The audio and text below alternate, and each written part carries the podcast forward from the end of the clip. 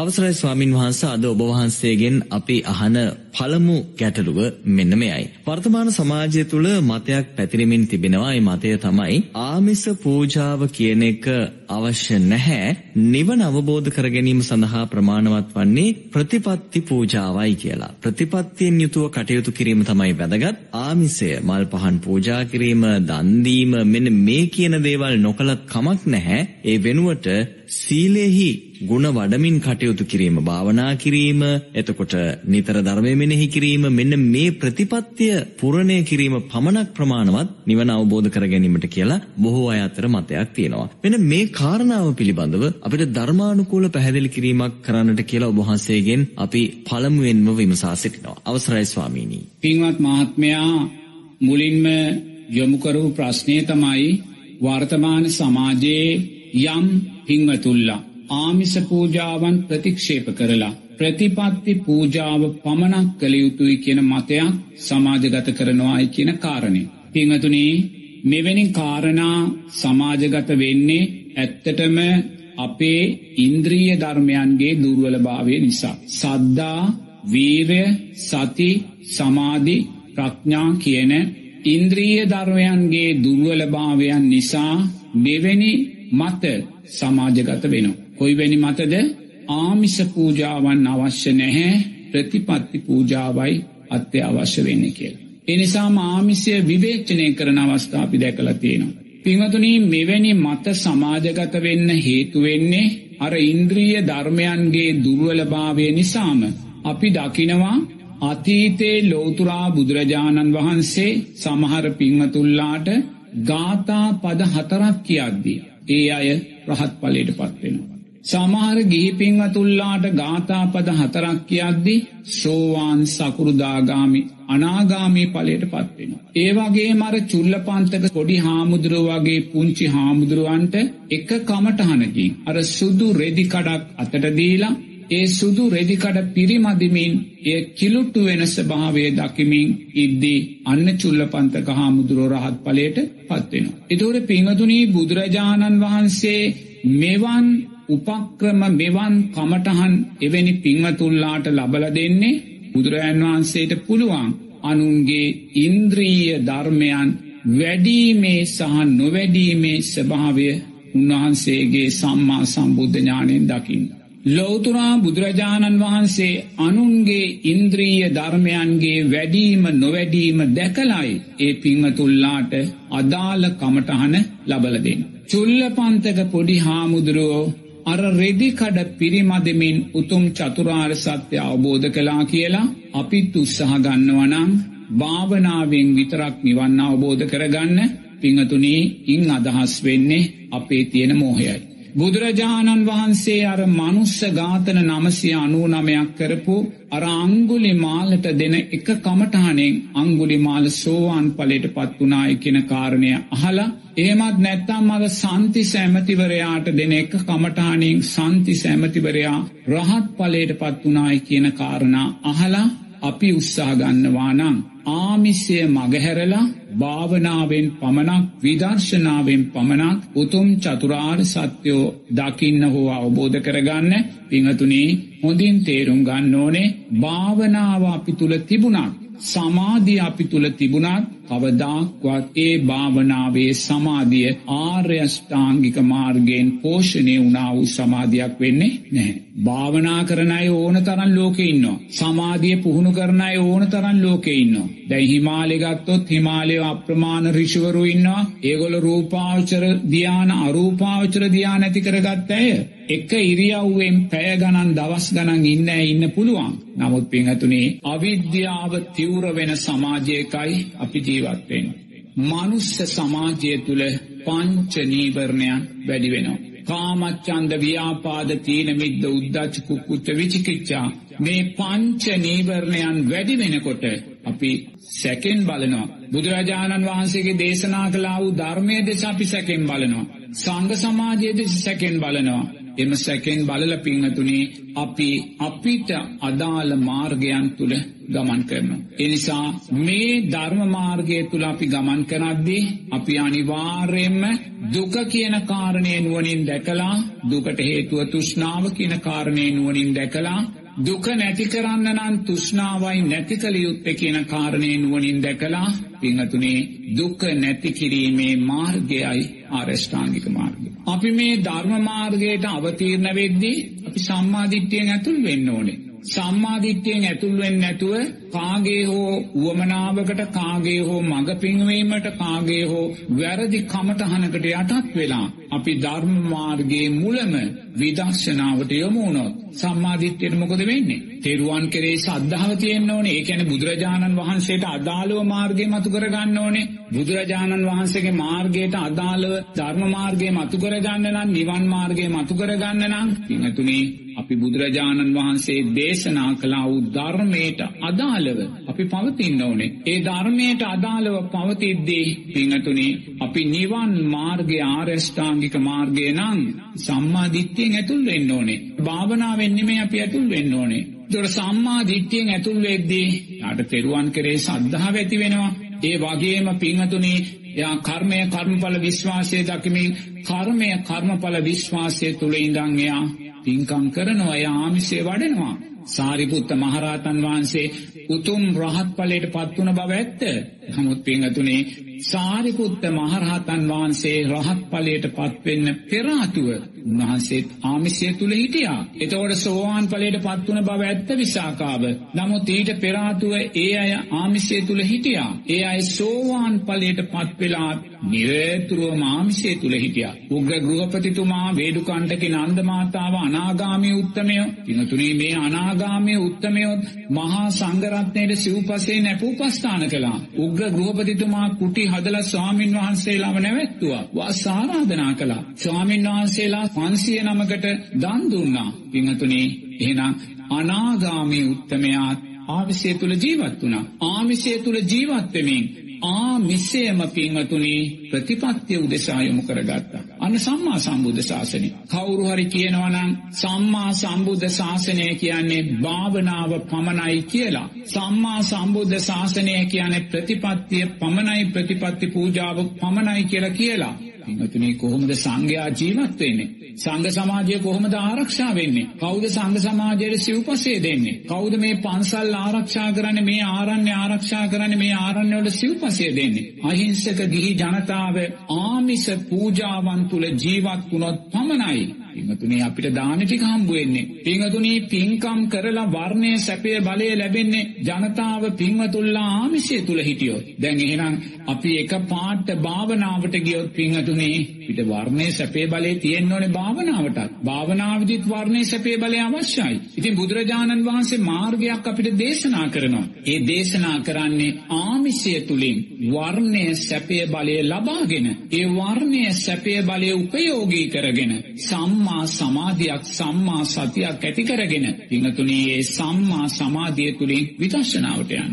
නමුත් වර්තමානයේ සමාජගත වෙන අවිද්‍යාවේ තිවර භාවය නිසා සමාජගතන විකෘතිීන් ගොඩක් තියෙනවා පිංහතුනි. දැන් සමහර මම පැහැදිලිව දැකලා තියෙනවා අපේම ගෞරුවනය සාමීන් වහන්සේලා ඉන්නවා උන්වහන්සේලා ආර්යෂ්ඨාංගික මාර්ගය කතා කරන්නේ නැහැ. භාවනාව ගැන කතා කරනවා. එහෙමනම් පින්වතුනි ආර්යෂ්ඨාංගික මාර්ගයෙන් තොර භාවනාව කවදාක්වත් සම්මා භාවනාවක් බවට පත්වෙන්නේ නැහැ. කවදාක්වත් උතුම් අධිගමයන් කරා අපි වරං යන්නේ නැහැ. නමුත් අපි භාවනාව ගැන කතා කරනවා. සමාරුවන අම්ම තාත්තට අකීකරු වෙලා පැවිදිවෙනවා. පැවිදිවෙලා භාවනාව තුළ ඉන්නවා. නමුත් අම්මා තාත්තාට අකීකරු වෙලාම පැවිදිවුණා තැනදී සම්මාධිත්‍යය දුර්වල කරගෙනයි භාවනාවට ගිහිල්ලතින්. කවදක්වත් ඒ භාවනාව සම්මා භාවනාව බවට පත්වෙන්නේ නැහැ. ඒසා පිංහතේ මෙවැනි විකෘතීන් සමාජගත වුණොත් භයානක මාර ධර්මයෝ තියනවා. එක තේරුම් ගන්න ඕනේ. මොකක්දේ මාර ධර්මයෝ මං මුලිනුත් මතක් කලා ඒ මාර ධර්මයෝ තමයි අපේ සමස්ත බෞද්ධ ජනතාව ආමිසයෙන් බැහැර වෙලා ප්‍රතිපත්තිය පමණක් මුල් කරගත්තොත් පිංහතුනේ සමස්ත සම්මා සම්බුද්ධ ශාසනයම විනාසයට පාරකැපුව වෙනවා. ජනතාව ආමිසයෙන් බැහැර වුණොත් පිංහතුනේ කොහොමද මේ පන්සල් ආරන්න නඩත්තු වෙන්නේ. ජනතාව ආමිසයෙන් බැහැරුණොත් කොහෙන්ද ස්වාමින් වහන්සේලාට කුටි තියෙන කොහෙන්ද පන්සලක තියෙන සිව්පසේ ලැබෙන්නේ. කෞද ස්වාමින් වහන්සේලාට දන් දෙන්නේ. පිංහතුනේ කොහෙන්ද අහිංසක ජනතාවට වර්ණය සැපේ බලය ලැබෙන්නේ. එනිසා මෙවැනි මත පිංහතුනේ සම්මාධිත්‍යයට අදාළ මත නෙමේ. මේවා මාරධර්මයන් මෙවැනි මාරධර්මයන් සමාජගත වෙන්න පිංහතුනේ තුෂ්නාවේ වැඩිභාවේ නිසාමයි උෂ්නාව වැඩිවෙන කුමක් නිසාද අවිද්‍යාවේ වැඩිභාවය නිසා අවිද්‍යාව වැඩිවෙන කුමක් නිසාද පංච නීවරණයන්ගේ උච්චභාවය නිසා. එනිසා ඔබ දක්ෂ වෙන්න නිවන වගේම සෝවාන් ඵලය වගේම පින්තුනේ මේ ශාසනය ආරක්ෂා වෙන්න ඕනේ. මේ පන්සල් ටික ආරක්ෂා වෙන්න ඕනේ. මේ ආරණ්‍ය ටික ආරක්ෂා වෙන්න ඕනේ. මේ ස්වාමින් වහන්සේලාට සිව්පසේ ලැබෙන්න ඕනේ. බුදුරජාණන් වහන්සේ අපිව මේ සංඝ සමාජයේ පෝෂණය කරගෙන මේ පන්සල ආරණ්‍ය ආරක්ෂා කරගෙන ගිහි ජනතාවගේ වර්ණය සැපය බලය වැඩි කරමින් තමයි නිවන් මාර්ගය පහළට ගලාගෙන යන්නේ පින්වතුනි. ස්වාමීන් වහන්සේ ඔබ වහන්සේ මීට පෙර ආතුව පැහැදිලි කර දෙමින් සිටියේ මේ නිවන අවබෝධ කරගන්නට එකවරම නොහැකි බව. ඒ වගේම විශේෂයෙන්ම මේ නිවනට යන මාර්ගයේදී ආමිසය සහ ප්‍රතිපත්තිය දෙකම අවශ්‍ය බවත් ඔබ වහන්සේ පැහැදිලි කර දෙමින් සිටියා. මේ පිළිබඳව අපි තවදුරටත් පැහැදිලි කරගත්තොත් ස්වාමීන් වහන්සේ එතකොට ආර්ය අෂ්ටාංගික මාර්ගයේම තියෙනවා නම් සම්මා වායාමයන් කියන අර්ථයේදී බුදුරජාණන් වහන්සේ ආර්ය අෂ්ටාංගික මාර්ගෙම අපිට දේශනා කරනවා නම් සම්මා වායාමයන් කියන්නේ කරන්නා වූ කුසල් තව තව ශක්තිමත් කරනවා නොකලා වූ කුසල් අලුතෙන් කරන්න පටන් ගන්නවා කලා වූ අකුසල් වලට යන්නේ නැහැ නොකලා වූ අකුසල් අපි කරන්නේ නැහැ ඒකතුනේ එනම් කලා වූ පින්කම් කලා වූ කුසල් අපි තව තව ශක්තිමත්ව කරන්න ඕනේ. නොකලා වූ කුසල් අපි අලුතෙන් කරන්න පටන් ගන්න ඕනේ. පින්වත්නි මෙවැනි අර්ථයක් ආරෂ්ඨාංගික මාර්ගය තුල තියෙනවා නම් පින්වත්නි අපි ඒ සියලු මාර්ගයන් ප්‍රතික්ෂේප කරලා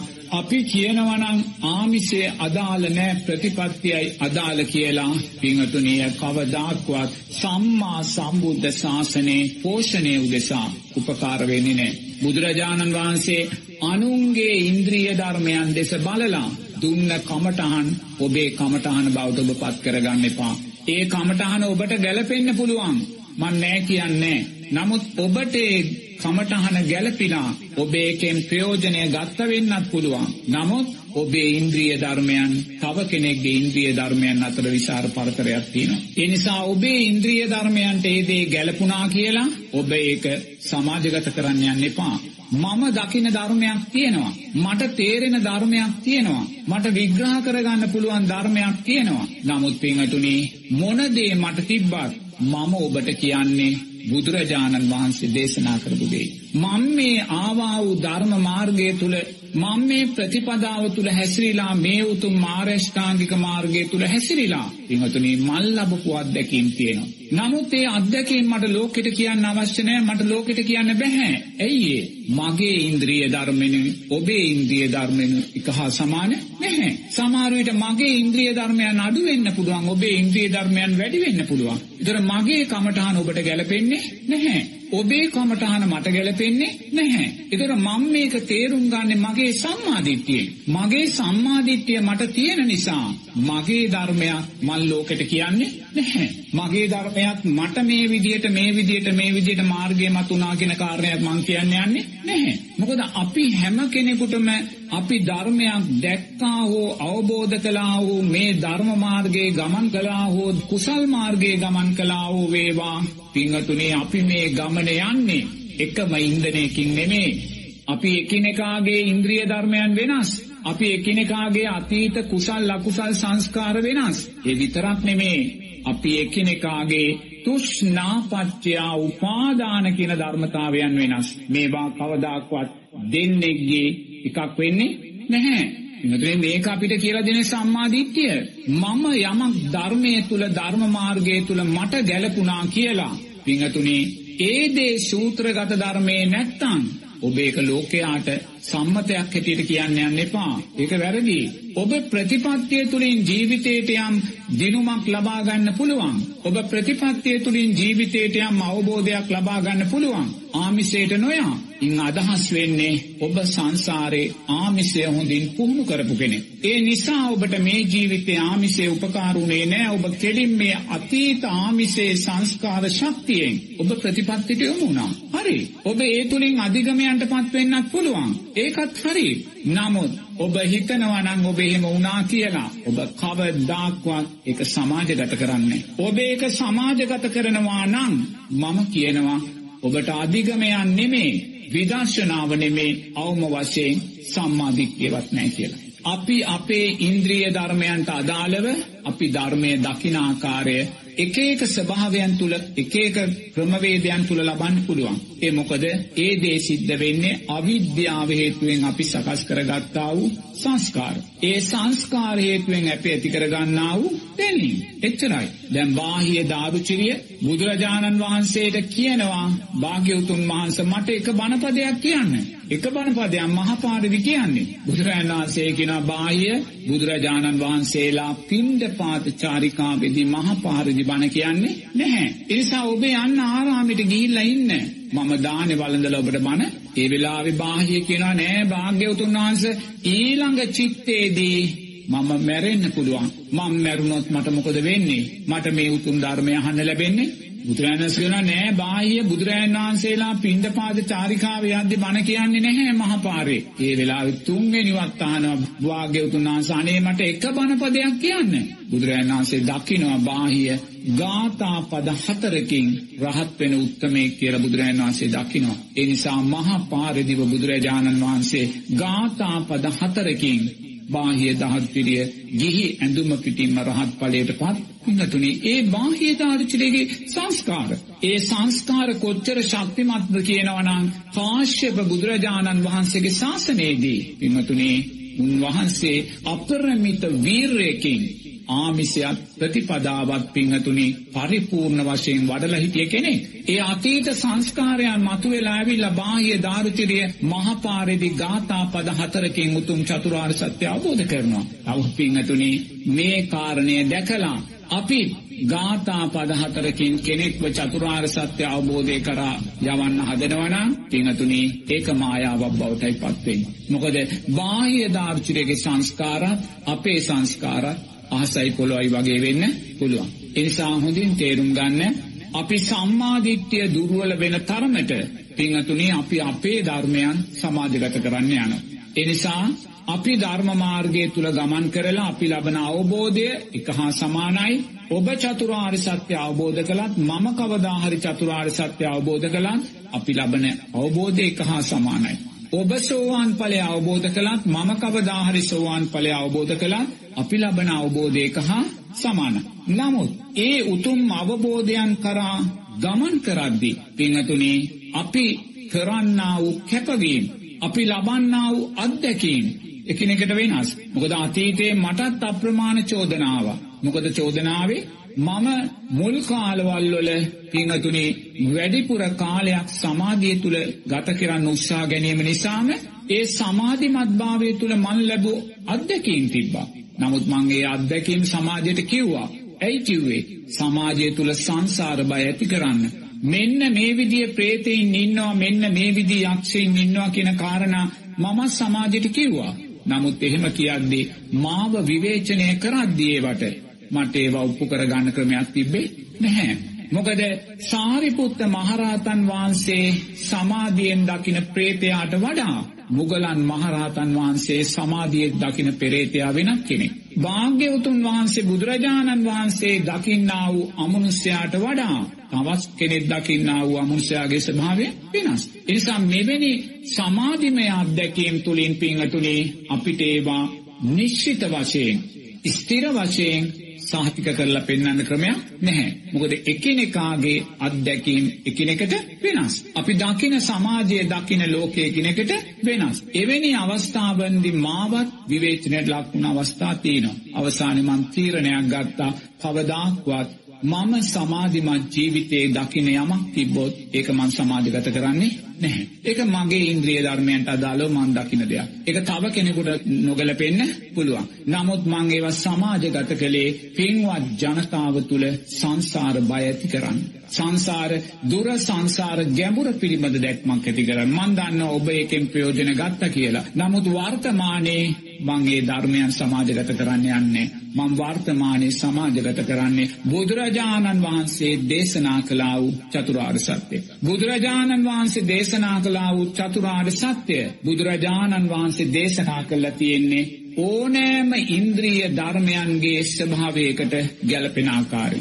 දැන් මේ මොහොතේ ඔබ මේ සුන්දර ධර්ම සාකච්ඡාව ශ්‍රවණය කරනවා. පින්වතුනි ඔබ බාහිර වැඩ කටයුතුන් බැහැර වෙලා ඔබ යම් ඉරියව්වක සංසුන් ඉරියව්වක ඉඳගෙන පින්වතුනි ඔබ මේ උතුම් ධර්ම සාකච්ඡාව ශ්‍රවණය කරනවා නම් මට හොඳටම විශ්වාසයි ඔබ තුල සම්මා සමාධිමත් හිතක් ඇති වෙලා තියෙනවා. සම්මා සමාධිමත් හිතක් ඇති වුණා නම් පිංහතුනේ අනිවාර්යෙන්ම ඔබ තුළ මේ මොහොතේ උතුම් මාර්යෂ්ඨාංගික මාර්ගය වැඩිලයි තියෙන්. ඉතින් ඒ උතුම් මාර්යෂ්ඨාංගික මාර්ගය වැඩීම තුළ ඔබ මේ මොහොතේ සම්මා සමාධිමත් හිතක් ඇති කරගන්නවා නම් ඔබට සම්මාධිත්‍යය පිළිබඳ සැකයක් නෑ සම්මා සංකප්ප පිළිබඳ සැකයක් නෑ සීලය පිළිබඳ සැකයක් නෑ සම්මා වායාමයන් සම්මා සතිය පිළිබඳ සැකයක් නෑ ඒ නිසාම ඔබේ හිත සම්මා සමාධිමත් හිතක් බවට පත් වුණා නම් ඔබ තුලාර්යෂ්ඨාංගික මාර්ගය මේ මොහොතේ හොඳින් වැඩලයි තියෙන.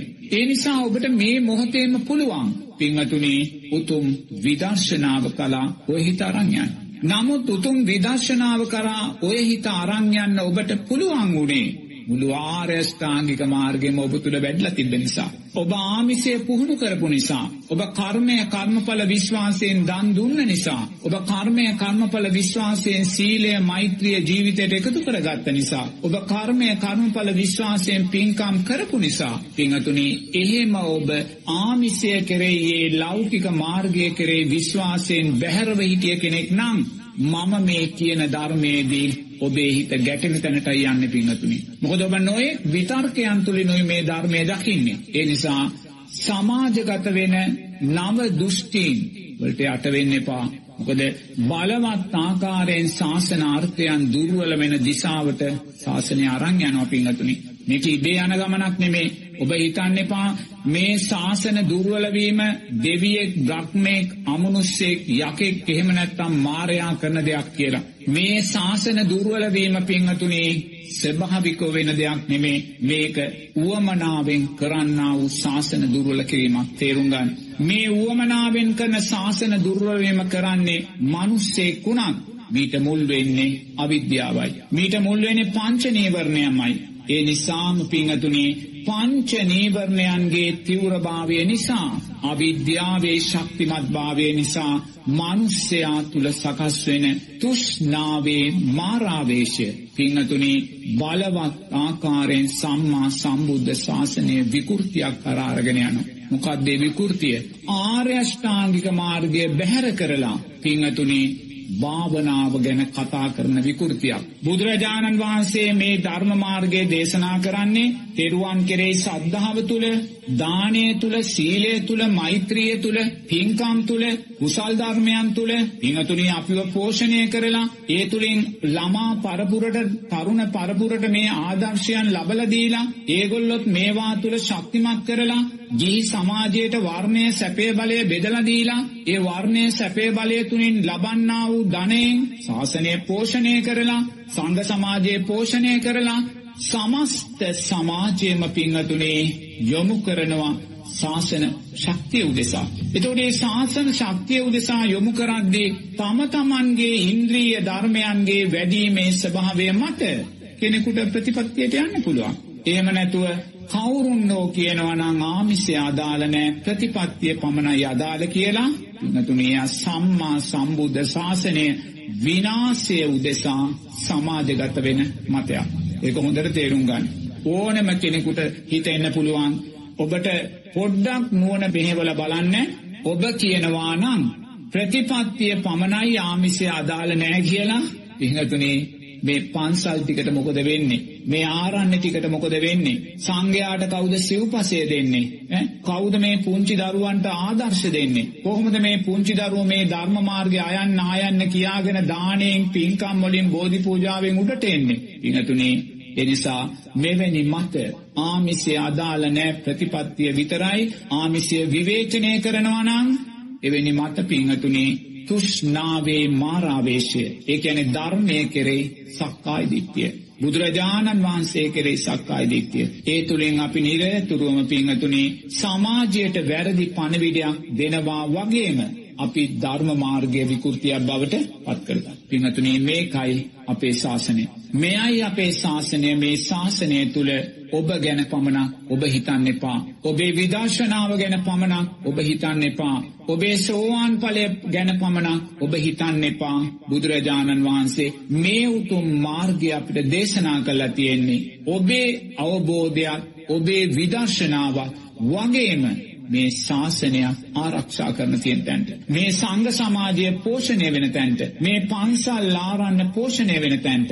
එනිසා නිරේතුරුවම බුදුරජාණන් වහන්සේ සියල්ල දන්නේ මම බුදුරජාණන් වහන්සේගේ කිසිත් නොදස්ශ්‍රාවකයා කියන තැනයිදං පිංහතුනේ මාර්ගයට එන්න කවදක්වත් ඔබට වර්දින්නේ නැහැ අපි හරි කියල දකිනදේ කරුණා කල්ලා සමාජගත කරන්න යන්න ඕනෙ නැහැ අපි සමාජගත කරන්න ඕනේ බුදුරජාණන් වහන්සේ හරි කියලා අපිට දේශනා කරපු දේ. ගොද බුදුරජාණන් වහන්සේ අපේ ශාස්තුන් වහන්සේ. ස්වාමීනි මීළඟට ඔබ වහන්සේගෙන් අහන්නට බලාපොරොත්තු වෙන ප්‍රශ්නය මේ වර්තමානයේ තියෙනා වූ තවත් ගැටලුවක්. ඒ තමයි බොහෝ දරුවන් දැන් දහම් පාසල් යන්නට මැලිකමක් දක්වනවා. සමහර විට මේ ජීවත් වෙන සමාජයේ තියෙන විවිධ හේතු කාරණාත් මේකට බලපානවා. ඒ වගේම දෙමව්පියන් තුලත් දරුවන්ව දහම් පාසල් යැවීම සඳහා වන උනන්දුව කෙමෙන් හීන වෙමින් තියෙන ආකාරයක් අපි දකිනවා. ළමයා කැමති නැත්තම් ඔන්න ඔහේ ගෙදර හිටපු දෙන් දහම් පාසල් ගියේ නෑ කියලා ඉතින් ලොකු දෙයක් නෑනේ වගේ අදහසක් මේ දෙමව්පිය තුළ තියෙනවා. මෙන්න මේ කාරණාව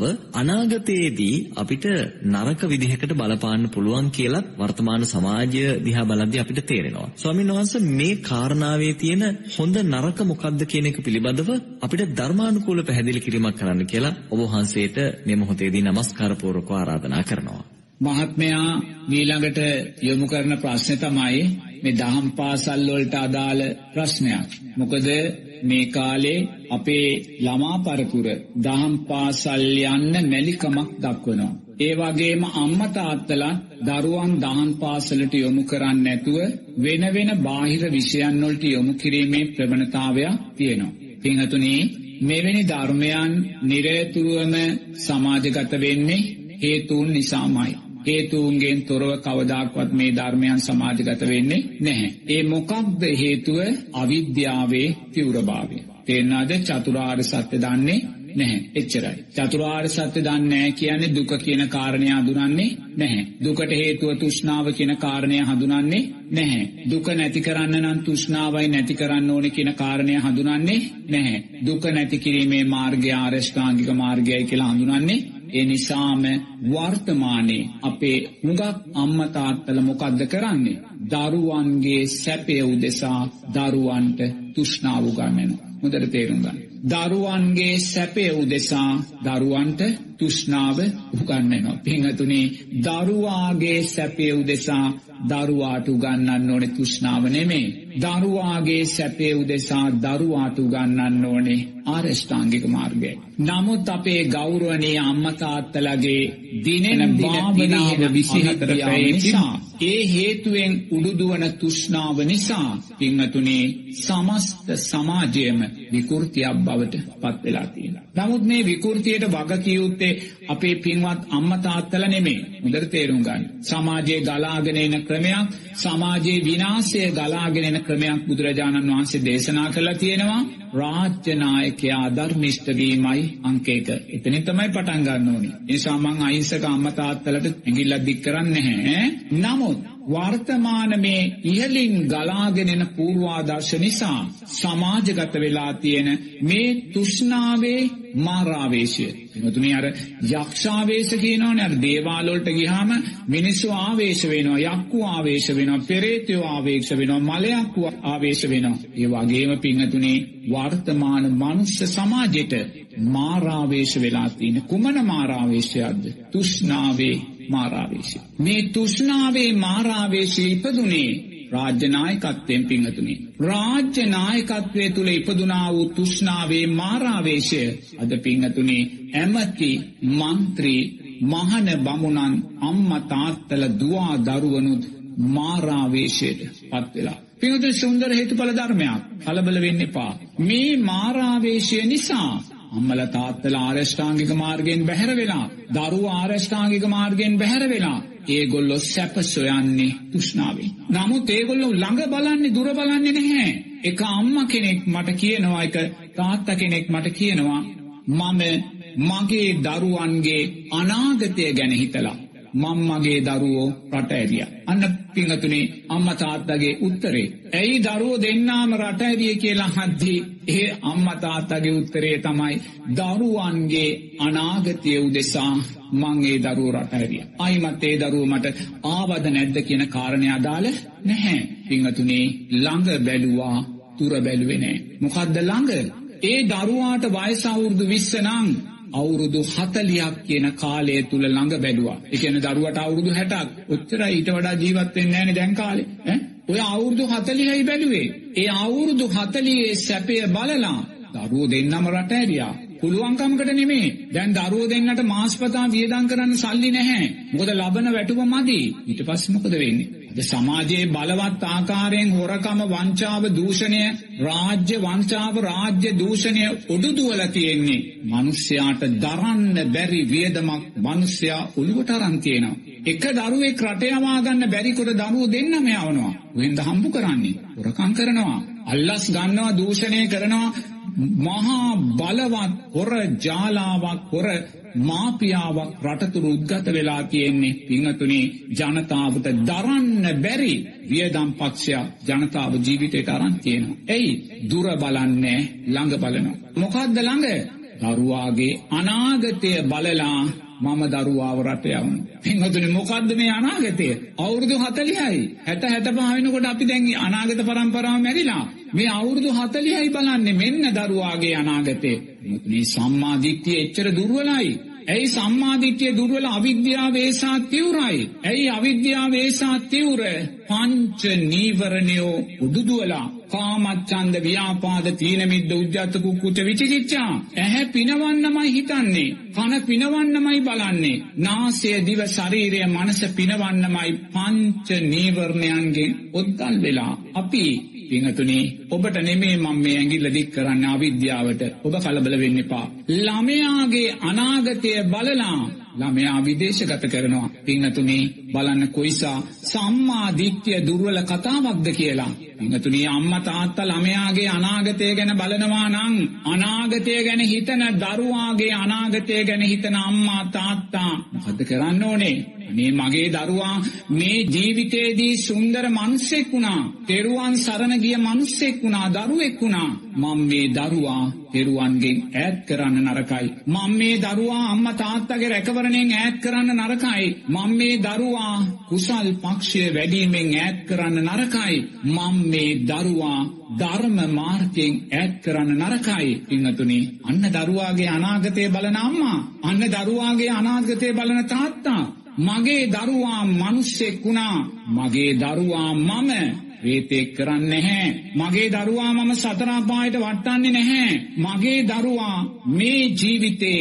සුන්දර මනුස්ස ජීවිතයක් ලබා ගත්තා. මගේ දරුවා මං අනාගතේ සතරාපායට දාන්නේ මගේ දරුවා මේ ජීවිතේ සම්මා දිට්ඨියට පත්වෙච්ච අම්මා කෙනෙක් තාත්තා කෙනෙක් ලැබුවා. මගේ දරුවා මං අනාගතේ මිත්‍යා දෘෂ්ටික මව්කුසකට යවන්නේ නැහැ.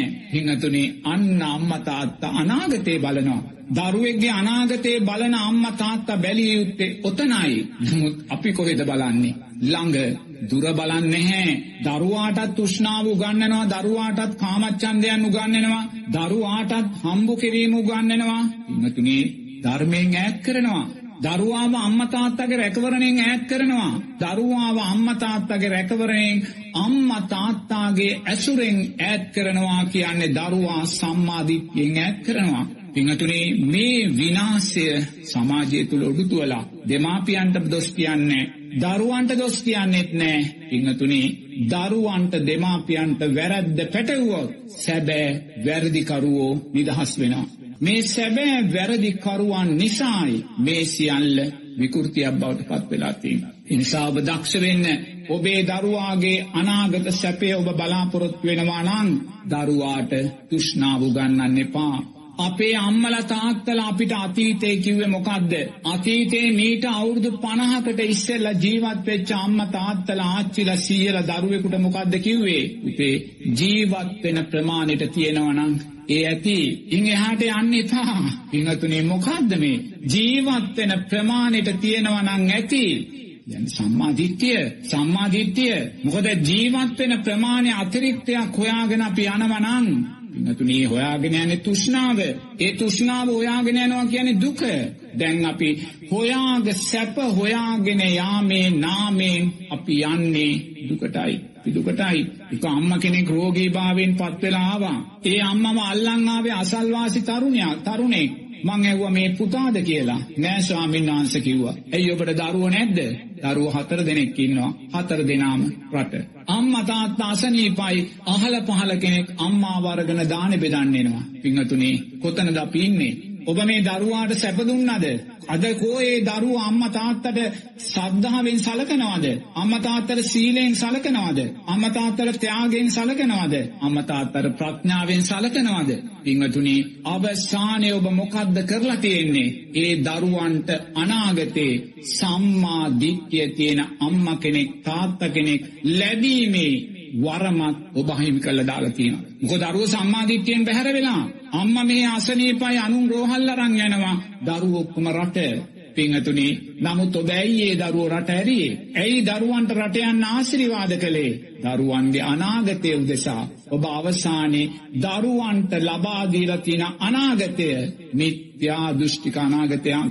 ඔබ දරුවන්ට ලබා දීලා තියෙන අනාගතය පිංහතුනි සම්මා දිට්ඨියක් නැති අනාගතයක්. ඔබ දරුවන්ට ලබල තියෙන අනාගතය පිංහතුනි සතරා පායන්ට අදාළ අනාගතයක්. එනිසා පිංහතුනි මේ සියල්ලටම හේතුව අපේ අවිද්‍යාව හේතුවෙන් සමාජගත වෙන මේ තුෂ්නාවේ මාරාවේශයයි. ඒක හොඳින් තේරුම් ගන්න. ඒ නිසා තුෂ්නාවේ මාරාවේශයට ඔබ අටවෙන්න එපා. පිංහතුනේ දහම් පාසල් වේගෙන් දුර්වල වෙන ස්භාවයට ගමන් කරනවා. මොකද අපි ගම්වොල්ට ගියාම අපිට කියන ස්වාමින් වහන්ස අටේ පන්තියෙන් ඉහළ පන්තිවල ළමයි නෑ. දහය පන්තියේ කොළහය පන්තියේ දොළහය පන්තියෝ දරු ඉරිදට පාසල් දාම් පාසල් එන්නේ නැහැ ස්වාමීන් වහන්සේලා අපිට කියනවා. ඒ වගේම අපි දකිනවා පන්සල්ලොලත් අඩු පාඩු තියෙනවා. ඒක මන් නැහැ කියන්නේ. දහම් පාසලකට ගියාම දහම් පාසලේ උගන්නන ස්වභාවයත් අඩුපාඩු තියෙනවා. මොකද ඒ වෙනුවෙන් කැපවෙන ගුරුවරු කියන්නේ මහා කැපවීමක් කරන්නේ. මන් දන්න තරමින් ඒගොල්ලන්ට ගෙවීමක්වත් නැහැ. ඒගොල්ලෝ සමාජ සේවයක් හැටියට මේ ශාසනයට තියෙන ලැබියාව නිසාම ඒගොල්ලො ඉරිදා උදේ අටේ ඉඳන් දොළහ වෙනකං ඒ වෙනුවෙන් කැප වෙනවා. නමුත් සමහර තැන්වල අප්‍රමාණ දුර්වලතාවයන් තියෙනවා. ඒ නිසාම දහම් පාසල් යන දරුවෝ දහම් පාසලෙන් බැහැරට යනවා. ඒ වගේමයි පිංහතුනේ පන්සල්ලොලත් දහම් පාසල් පවත්වාගෙන යාමදි බාධාවන් මතු වෙලා ඒ තුළ කඩා වැටුමු සමාජය තුළ තියෙනවා. නමුත් මේ සෑම සමාජ කඩා වැටීමකටම හේතුව පිංහතුනේ ජනතාව තුළ ලියලන තුෂ්නාවයි. ඇයි මේ තුෂ්නාව ලියලන්නේ පිංහතුනේ මධ්‍යම ප්‍රතිපදාවට අදාළව ජීවිතය දකින්නේ. දැන් ඇති මේ ප්‍රමාණවත් කියන සීමාව අපි ජීවිතයට ගන්නේ නෑ. අසී මාන්තික සැපයක් සොයාගෙන අසී මාන්තික ධනයක් සොයාගෙන නොසෑහින සැප සොයාගෙන අපි දුවනවා. ඇයි සම්මාධිත්‍යය දුර්වලයි. පිංහතුනේ ඔබ වයස අවුරුදු පහළවේ දරුවෙක් නං තව ඔබට වැඩිමුණ අවුරුදු පණහක් තියේවි එච්චරයි. ඔබ අවුරුදු විශ්සක තරුණෙක් නම් තව අවුරුදු හතලියක් තියේවි හතලිස් පහක් තියේවි එච්චරයි පිංහතුනේ මේ අවුරුදු හතලිස් පහ ධර්මානුකූලව කළමනා කරණය කරගන්න. දෑස් පියාගෙන සම්මා සමාධිමත් හිතෙන් හිතන්න මුළු ලෝකෙම අයිති කර ගත්තාත් මහා ධන කුවේරෙක් වුණත් යන දවසට මේ සියල්ල දාලා යන්නේ. මේ සියල්ල දාලා යනවා නම් පිංහතුනේ ඔබ මේ සිංහල බෞද්ධෙක් වෙලා ඉපදුනේ. මේ තෙරුවන්ගේ සරණ රැකවරණය තුළ ඔබ ඉපදුනේ පිංහතුනේ අනාතෙක් වෙන්න නෙමේ. ඔබ නැවත මිත්‍යා දෘෂ්ටියට යන්න නෙමේ. නමුත් ඔබ බුදුරජාණන් වහන්සේට අකීකරු වෙලා කාම සුකල්ලිකානු යෝගෙට ආ වැඩුවොත් ඔබ අසී මාන්තික සැපයට ගිජවුණොත් පිංහතුනේ අපි සම්මාධිත්‍යයක් අහිමි කරගන්න. ඊළඟ ජීවිතයේ අපි සම්මාධිත්‍යයට පත්වන අම්ම කෙනෙක් තාත්ත කෙනෙක් ලැබීමේ අයිතියන් අපි අයිමි කරගන්න. එනිසා දෙමාපියන් දක්ෂ වෙන්න දරුවෙකුට මහා බ්‍රහ්මෙක් වෙන්න. මෙත්තා කරුණා මුදිතා උපේක්ෂා ගුණයන්ගෙන් දරුවා දිහැ බලන්න. දරුවාට අධ්‍යාපනය අවශ්‍යයි. දරුවාට පාසල් අධ්‍යාපනය අවශ්‍යයි උපකාරක පන්තියාමත් අවශ්‍යයි. ඒව නෑ කියල කියන්නේ. නමුත් පිංහතුනේ සීමාවක් ඇති කරගන්න. මේ සීමාව ප්‍රමාණවත්. මේ ආදායම ප්‍රමාණවත් කියන සීමාවක් ඔබ ඇති කරගත්තොත් පමණයි ඔබ මධ්‍යම ප්‍රතිබදාව තුළ ජීවත් වන කෙනෙක් බවට පත්වවෙන්නේ.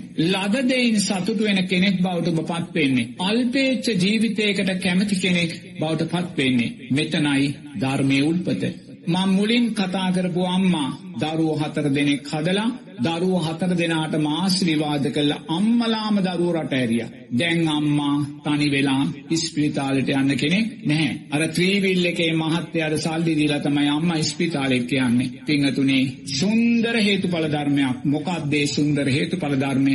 දරුවන්ට තෘෂ්ණාව උගන්වවා වූ අකුසලේ කර්ම විපාක. පිංහතුනේ හොඳින් තේරුම් ගන්න දරුවන්ට තුෂ්නාව ඕනෑවට වැඩි උගන්නන්න එපා. තුෂ්නාව මධ්‍යම ප්‍රතිපදාවට අදාළව මධ්‍යස්ස තැන්ට ගන්න තුෂ්නාවෙන් තොරෝ ජීවත් වෙන්න බැහැ. ඒ තුෂ්නාව සීලයෙන් පෝෂණය වෙන්න ඕනේ. ඒ තුෂ්නාව සද්ධාවෙන් පෝෂණය වෙන්න ඕනේ. ඒ තුෂ්නාව නෙක්කම්මෙන් පෝෂණය වෙන්න ඕනේ. ඒ තුෂ්නාව සීලයෙන් පෝෂණය වෙන්න ඕනේ. ඒ තුෂ්නාව සම්මා වායාමයන්ගෙන් සම්මා සතියෙන් පෝෂණය වෙන්න ඕනේ. එතනයි ඔබ මධ්‍යම ප්‍රතිපදාවට එන්නේ. ඒ මධ්‍යම ප්‍රතිපදාවයි ඔබේ ජීවිතයෙන් පින ශක්තිමත් කරන්නේ.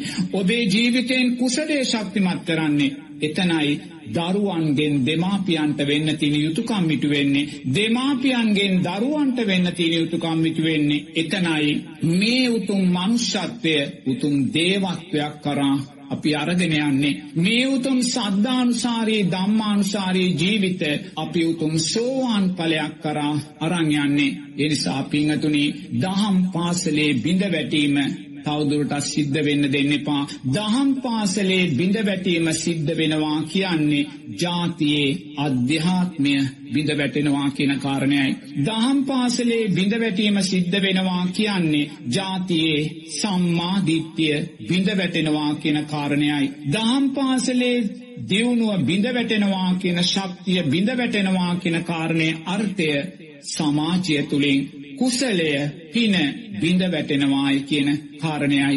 දහම් පාසලේ ශක්තිය බිඳ වැටෙනවා කියන්නේ පිංහතුනේ දරුවන්ගේ දෙමාපියන්ගේ තියෙන්න්නා වූ සහයෝගය සමගිය ඒ වගේ මේ මාතෘත්වය ප්‍රීතුත්වය පිංහතුනි බිඳ වැටෙනවායි කියන කාරණයයි. එනිසා දෙමාපියන් දක්ෂවෙන්න ළඟ බලන් නැතුව දුර බලන්න දුර බලන අම්මා දරුවාට හැම වෙලාම කියන්න පුතේ සල්ලි නෙමේ වැදගත් සල්ලිත් වැදගත් නමුත් ඊට වඩා ඔබේ සුගතියයි වැදගත්. පුතේ ධනය නෙමේ වැදගත් ඊට වඩා සම්මාධිත්‍යයි වැදගත්. පුතේ ධනය නෙමේ වැදගත් ඊළඟ ජීවිතේ මට වඩා ශක්තිමත් සම්මාධිත්‍යය තියෙන අම්ම කෙනෙක් තාත්ත කෙනෙක් ලැබීමයි වැදගත්. පුතේ ධනය නෙමේ වැදගත් මේ සියලු සංස්කාරයෝ අනිත්‍යයි කියල දකින උතුම් සෝවාන් පලයයි වැදගත් පිංහතුනේ අපි දරුවාට මොකක්ද මේ උගන්නන්නේ. අපි දරුවාට වැදගත් සියල්ල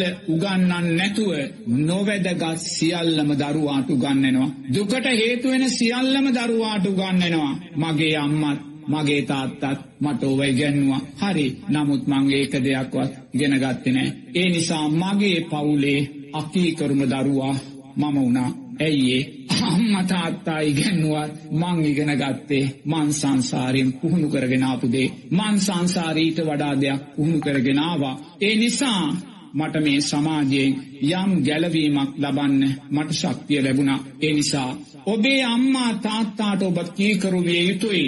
එක සද්ධහවන්ත දරුවෙක්ගේ යුතුකම බුදුරජාණන් වහන්සේ කියනවා අම්මා තාත්තාට කීකරු වෙන්න මහා බ්‍රහ්මෙක් හැටියට දකින්න.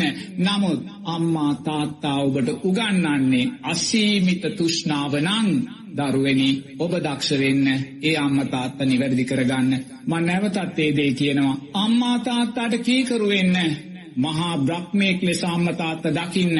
අම්මා තාත්තා රහත් ගුණයන් තියෙන උත්තමයෝ දෙන්නෙක් කියලා දකින්න. නමුත් අම්මා තාත්තා ඔබට උගන්වන්නේ අසීමිත තෘෂ්ණාව නම්. පින්තුනි ඔබ දක්ෂ වෙන්න අම්මා තාත්තාට ධර්මානුකූලව ඒ ඇත්ත පහදලා දෙන්න. ඒ ඔබට අම්මා තාත්තා කුසලයෙන් ශක්තිමත් කිරීමේ එකම ධර්මය වෙනවා. එනිසා ඔබ ඔය ඉදිරි අවුරුදු හතලිය වෙනුවෙන් කරන කැපවීම පිංහතුනි ආර්යෂ්ඨාංගික මාර්ගය තුළින් ඇතිකරගෙන ඔබත් ලෞකික පැත්තත් දිනලා ලෝකෝත්තර පැත්තත් දිනන සුන්දර දරුවෙක් වෙන්න එතනට මාර්ගය දහම් පාසලෙන් මතු කරගන්න. ඔබ දහම් පාසල ප්‍රතික්ෂේප කළොත් ඔබ ඊළඟ ඔබේම පටිත්ත සෞපන්න ජීවිතයේදී සම්මා දිට්ඨිය ප්‍රතික්ෂේප කරපු අවාසනාවන්ත දරුවෙක් වෙනවා. ඒ තැන්ට පත් වෙන්න එපා කියලා බොහෝම මෙස්සිතින් මතක් කරනවා අම්මා තාත්තලටත් දරුවන්ටත්.